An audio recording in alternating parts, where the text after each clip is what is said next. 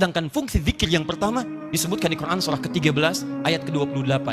Ala bi dzikrillahi tatmainnul qulub. Masih ingat kulub jama dari kata apa? Qalbu. Jadi kalau sholat Anda benar, hati Anda tenang. Jadi hati yang tenang, dia bisa mengendalikan nafsu dalam kehidupannya. Sehingga muncul yang baik-baik di sini.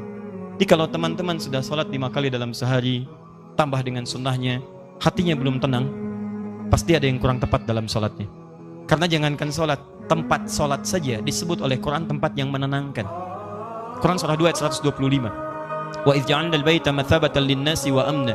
Dan ingatlah ketika kami tetapkan al-bait Ka'bah itu, Ka'bah itu di sekitaran Masjid Al-Haram. Begitu Anda ke situ kata Allah, Anda punya masalah apa pun, segelisah apa pun di depan Ka'bah tenang jiwa Anda. Dan hebatnya lingkarannya disebut dengan masjid. Masjid pun punya aura yang mirip-mirip sama. Gak percaya silahkan. Anda dari rumah datang ke masjid begitu dibuka pintu masjid melangkah ada ketenangan tersendiri. Ada lain teman-teman. Makanya saya beri saran sedikit ya. Ikuti pola sahabat dulu. Itu mereka apa pun pekerjaannya, ada pengusaha, ada pedagang macam-macam. Itu kalau selesai bekerja, itu nggak langsung ke rumah pak, teman-teman. Mereka mampir ke masjid. Begitu keluar dari masjid, yang dibawa itu aura masjid. Dia nyampe rumah itu bukan aura pekerjaan. Kadang-kadang kalau anda dari pekerjaan ke rumah, itu yang dibawa tuh bayangan pekerjaan, menumpuk macam-macam. Sehingga kadang-kadang banyak kegelisahan. Coba mampir, begitu keluar, sudah ada ketenangan dalam jiwa. Enak, tenang. Saking tenangnya masuk, sholat dua rakaat, lebih tenang lagi. Duduk, atasnya AC, tidur aja gitu kan. Paham ya? Satu. Jadi cari semua bentuk hubungan dengan Allah itu akan menguatkan jiwa Anda. Di antara kalimat zikir nanti turunkan ada sholat, ada baca Quran. Makanya kalau nggak percaya silahkan Anda sedang gelisah buka Quran, sudah. Nggak mahal kok, buka mushaf, baca Quran seketika tenang. Habis itu gelisah lagi. Ya. Kenapa? Belum selesai, baca lagi, minta sampai tenang jiwa Anda. Doa, Quran surah 7 ayat 205, Wadhkur rabbaka fi nafsik, doa disebut dengan zikir. Makanya kalau sedang gelisah jangan mengeluh. Nggak ada ayat, nggak ada ayat tentang keluhan. Kalau ada ayat tentang keluhan di Quran, insya Allah saya jadi orang pertama yang mengeluh. Nggak ada teman-teman. Bahkan binatang pun tidak mengeluh dalam kehidupan. Kerjakan, kerjakan, kerjakan. Semut nggak ngeluh. Silahkan cek. Kera tidak mengeluh. Ayam tidak mengeluh. Cek. Nih, lihat. Ini ada wajan. Ini ada cacing sini. Di bawahnya kita kasih api di sini. Maka cacing akan bergerak-gerak. Pindah dia kan? Baik. Kenapa dia bergerak?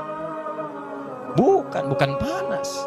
Bukan, karena cacing tidak mampu untuk mengeluh. Aduh panas, aduh sakit, aduh, aduh. Kalau semua aduhnya kapan dia pindahnya? Cina, pernah dengar? Coba kalau nggak percaya panaskan. Dengar nggak kalimat aduh, aduh, aduh? Nggak ada. Silakan cek, nggak ada. Dia, dia gerak aja supaya menghindar dari kepanasan. Anda itu nggak pernah tuntas masalah bukan karena Anda kurang hebat, barangkali banyak keluhnya. Dan Anda kurang tenang bukan karena kurang kaya, kurang takwanya ini poinnya. Dan kurang ibadahnya. Itu bagian pertama. Masih ada waktu, ah? Masih. Dua. Ini. Rumus cepat. Dua. Ini indah sekali di Quran. Tadi kata Quran, qad aflaha man zakkaha. Sungguh akan bahagia, tenang orang yang mampu menyucikan hatinya. Baik, ikhwan atau akhwat di atas. Kalau nyuci itu pakaiannya dibuang atau kotorannya yang dibuang? Mah, tolong cucikan ya. Iya pak, palidgun ke sungai. Oh, Masya Allah. Begitu pulang, mana mah pakaiannya? Dicuci, dibuang. Tidak. Nyuci, membuang kotornya. Kadang-kadang kotor itu mesti ada untuk nampak yang bersihnya. Sebab kalau kotor nggak ada, yang bersih nggak akan kelihatan. Allah ciptakan marah bukan untuk menjadikan anda pemarah, tapi supaya sabarnya muncul. Sebab kalau nggak ada marah, nggak akan ada sabar. Kan mustahil ujuk-ujuk tiba-tiba AA datang kepada saya. Nggak ada hujan, nggak ada angin, nggak ada masalah. Tiba-tiba sabar, Ustadz sabar. Saya cuma tanya, ah, sehat? Ya. Karena mustahil teman-teman. Mustahil ada kejujuran kalau tidak diciptakan lawannya dusta. Kalau nggak ada dusta bagaimana bisa mengukur jujur? Jadi caranya bagaimana kata Quran? Ketika Anda mendapati semua ini dalam kehidupan, tidak diciptakan ini kecuali untuk diketahui lawannya. Jadi kalau Anda menemukan sesuatu yang tidak baik, yang bersumber dari nafsu, cepat langsung cari lawannya di takwa untuk menyelesaikan itu semua. Karena itu tidak dimunculkan kecuali melatih Anda untuk mendapatkan sifat takwanya. Contoh prakteknya. Ibu, halo? Suami pulang dari kantor, tiba-tiba marah. Ah, marah saat dititipkan pada suami, hakikatnya isyarat Quran bukan ingin menjadikan suami pemarah, bukan. Tapi dititipkan marah pada suami supaya sabar di ibu itu muncul. Sebab di depan itu banyak persoalan yang membutuhkan sabar yang lebih. Kalau pada yang ini aja nggak bisa sabar, bagaimana mengatasi yang di depan? Diberikan kesabaran itu. Dititipkan marah pada suami bukan untuk menjadikan suami pemarah. Jadi kalau suami pulang marah misalnya, maka lihat cara bacanya. Berarti ibu dituntut untuk menghadirkan kesabaran. Allah sedang ingin memunculkan sifat takwa pada diri ibu dalam bentuk sabar. Ibu ingin dekat dengan Allah? Ingin. Baik. Sekali lagi ingin dekat dengan Allah? kunci dekat dengan Allah sabar innallaha ma'as sabirin Quran surah kedua ayat 153 Allah dekat dengan orang-orang sabar ibu ingin masuk surga kunci masuk surga sabar. Quran surah 13 ayat ke-28 kalimat malaikat pertama menyambut orang ahli surga salamun alaikum bima sabartum. Selamat anda bisa masuk surga karena sabar. Jadi kalau ada suami marah datang ke rumah berbahagialah bu. Kenapa? Karena pada saat itu ibu dititipkan oleh Allah langsung cari lawannya. Mama, Alhamdulillah, sabar. Ya pak, Masya Allah. Ah ini kadang-kadang tertukar. Suami marah, ibu lebih galak. Masya Allah. Mama, kenapa pak? Oh, Mama kenapa? Eh papa kenapa? Mama nggak tahu kalau papa ini matahari, pemimpin. Eh papa nggak tahu kalau mama bulan. Dengan kekuatan bulan aku menghukummu. Oh, ah, ini repot. Ah, akan nyambung. Gak beres-beres kalau begitu. Sama. Ah, jadi sebenarnya nggak susah. Kalau anda menemukan yang kotor dari nafsu, cepat cari lawannya yang baik. Suami pulang nih, istri cemberut. Apa lawan cemberut? Senyum. Di begitu anda pulang ke rumah, lihat istri cemberut, cemberut. Ini anda tinggal senyum.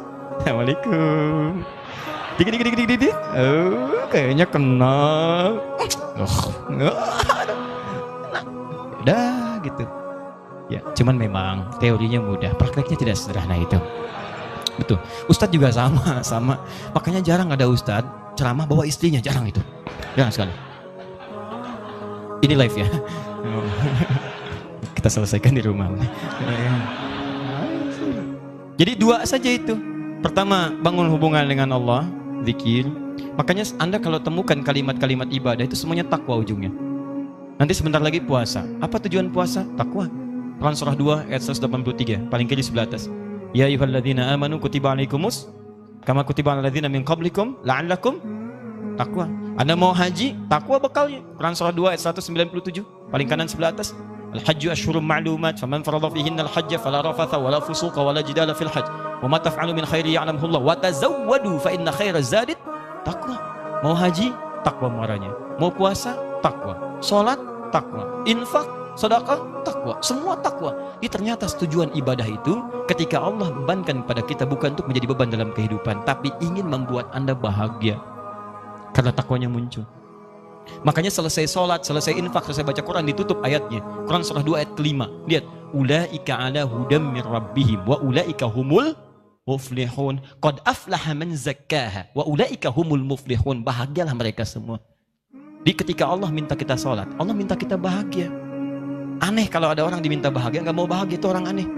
Makanya ketika anda dipanggil sholat, hayya ala sholat, anda tanya, kenapa kami sholat ya Allah? Dijawab, hayya ala falah. Ayo saya kasih bahagia. Yang belum bahagia datang ke sini. Anda orang kaya, Anda orang hebat, belum bahagia. Cek, bukan karena Anda kurang hebat dan kaya, Anda kurang takwa. Karena ketika Anda takwa, masalah Anda selesai. Quran surah 65 ayat 2 dan 3. Wa may yattaqillaha yaj'al lahu makhraja wa yarzuqhu min haitsu selesai. Quran surah 2 ayat 189. Wattaqullaha la'allakum tuflihun.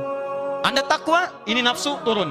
Begitu turun, maksiat hilang. Begitu hilang, dosa diampuni. Turun Quran surah ke-8 ayat ke-29.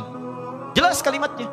Wa may yattaqillaha yukaffir anhu sayyiati. Siapa yang meningkatkan takwanya, maka keburukannya kami akan hilangkan. Hapus, hapus, hapus, hapus. Lihat contohnya.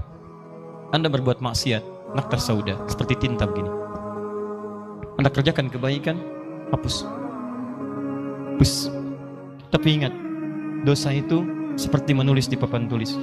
Tintanya ringan, mudah untuk dihapus. Tintanya sulit, tidak mudah untuk menghapusnya. Butuh waktu, butuh perjuangan. Kadang-kadang Anda mesti berjuang. Seperti saya. Berjuang datang sendiri, rangin sendiri, nulis sendiri, ngapus sendiri. Ya sama. Nah, akhirnya. Alhamdulillah.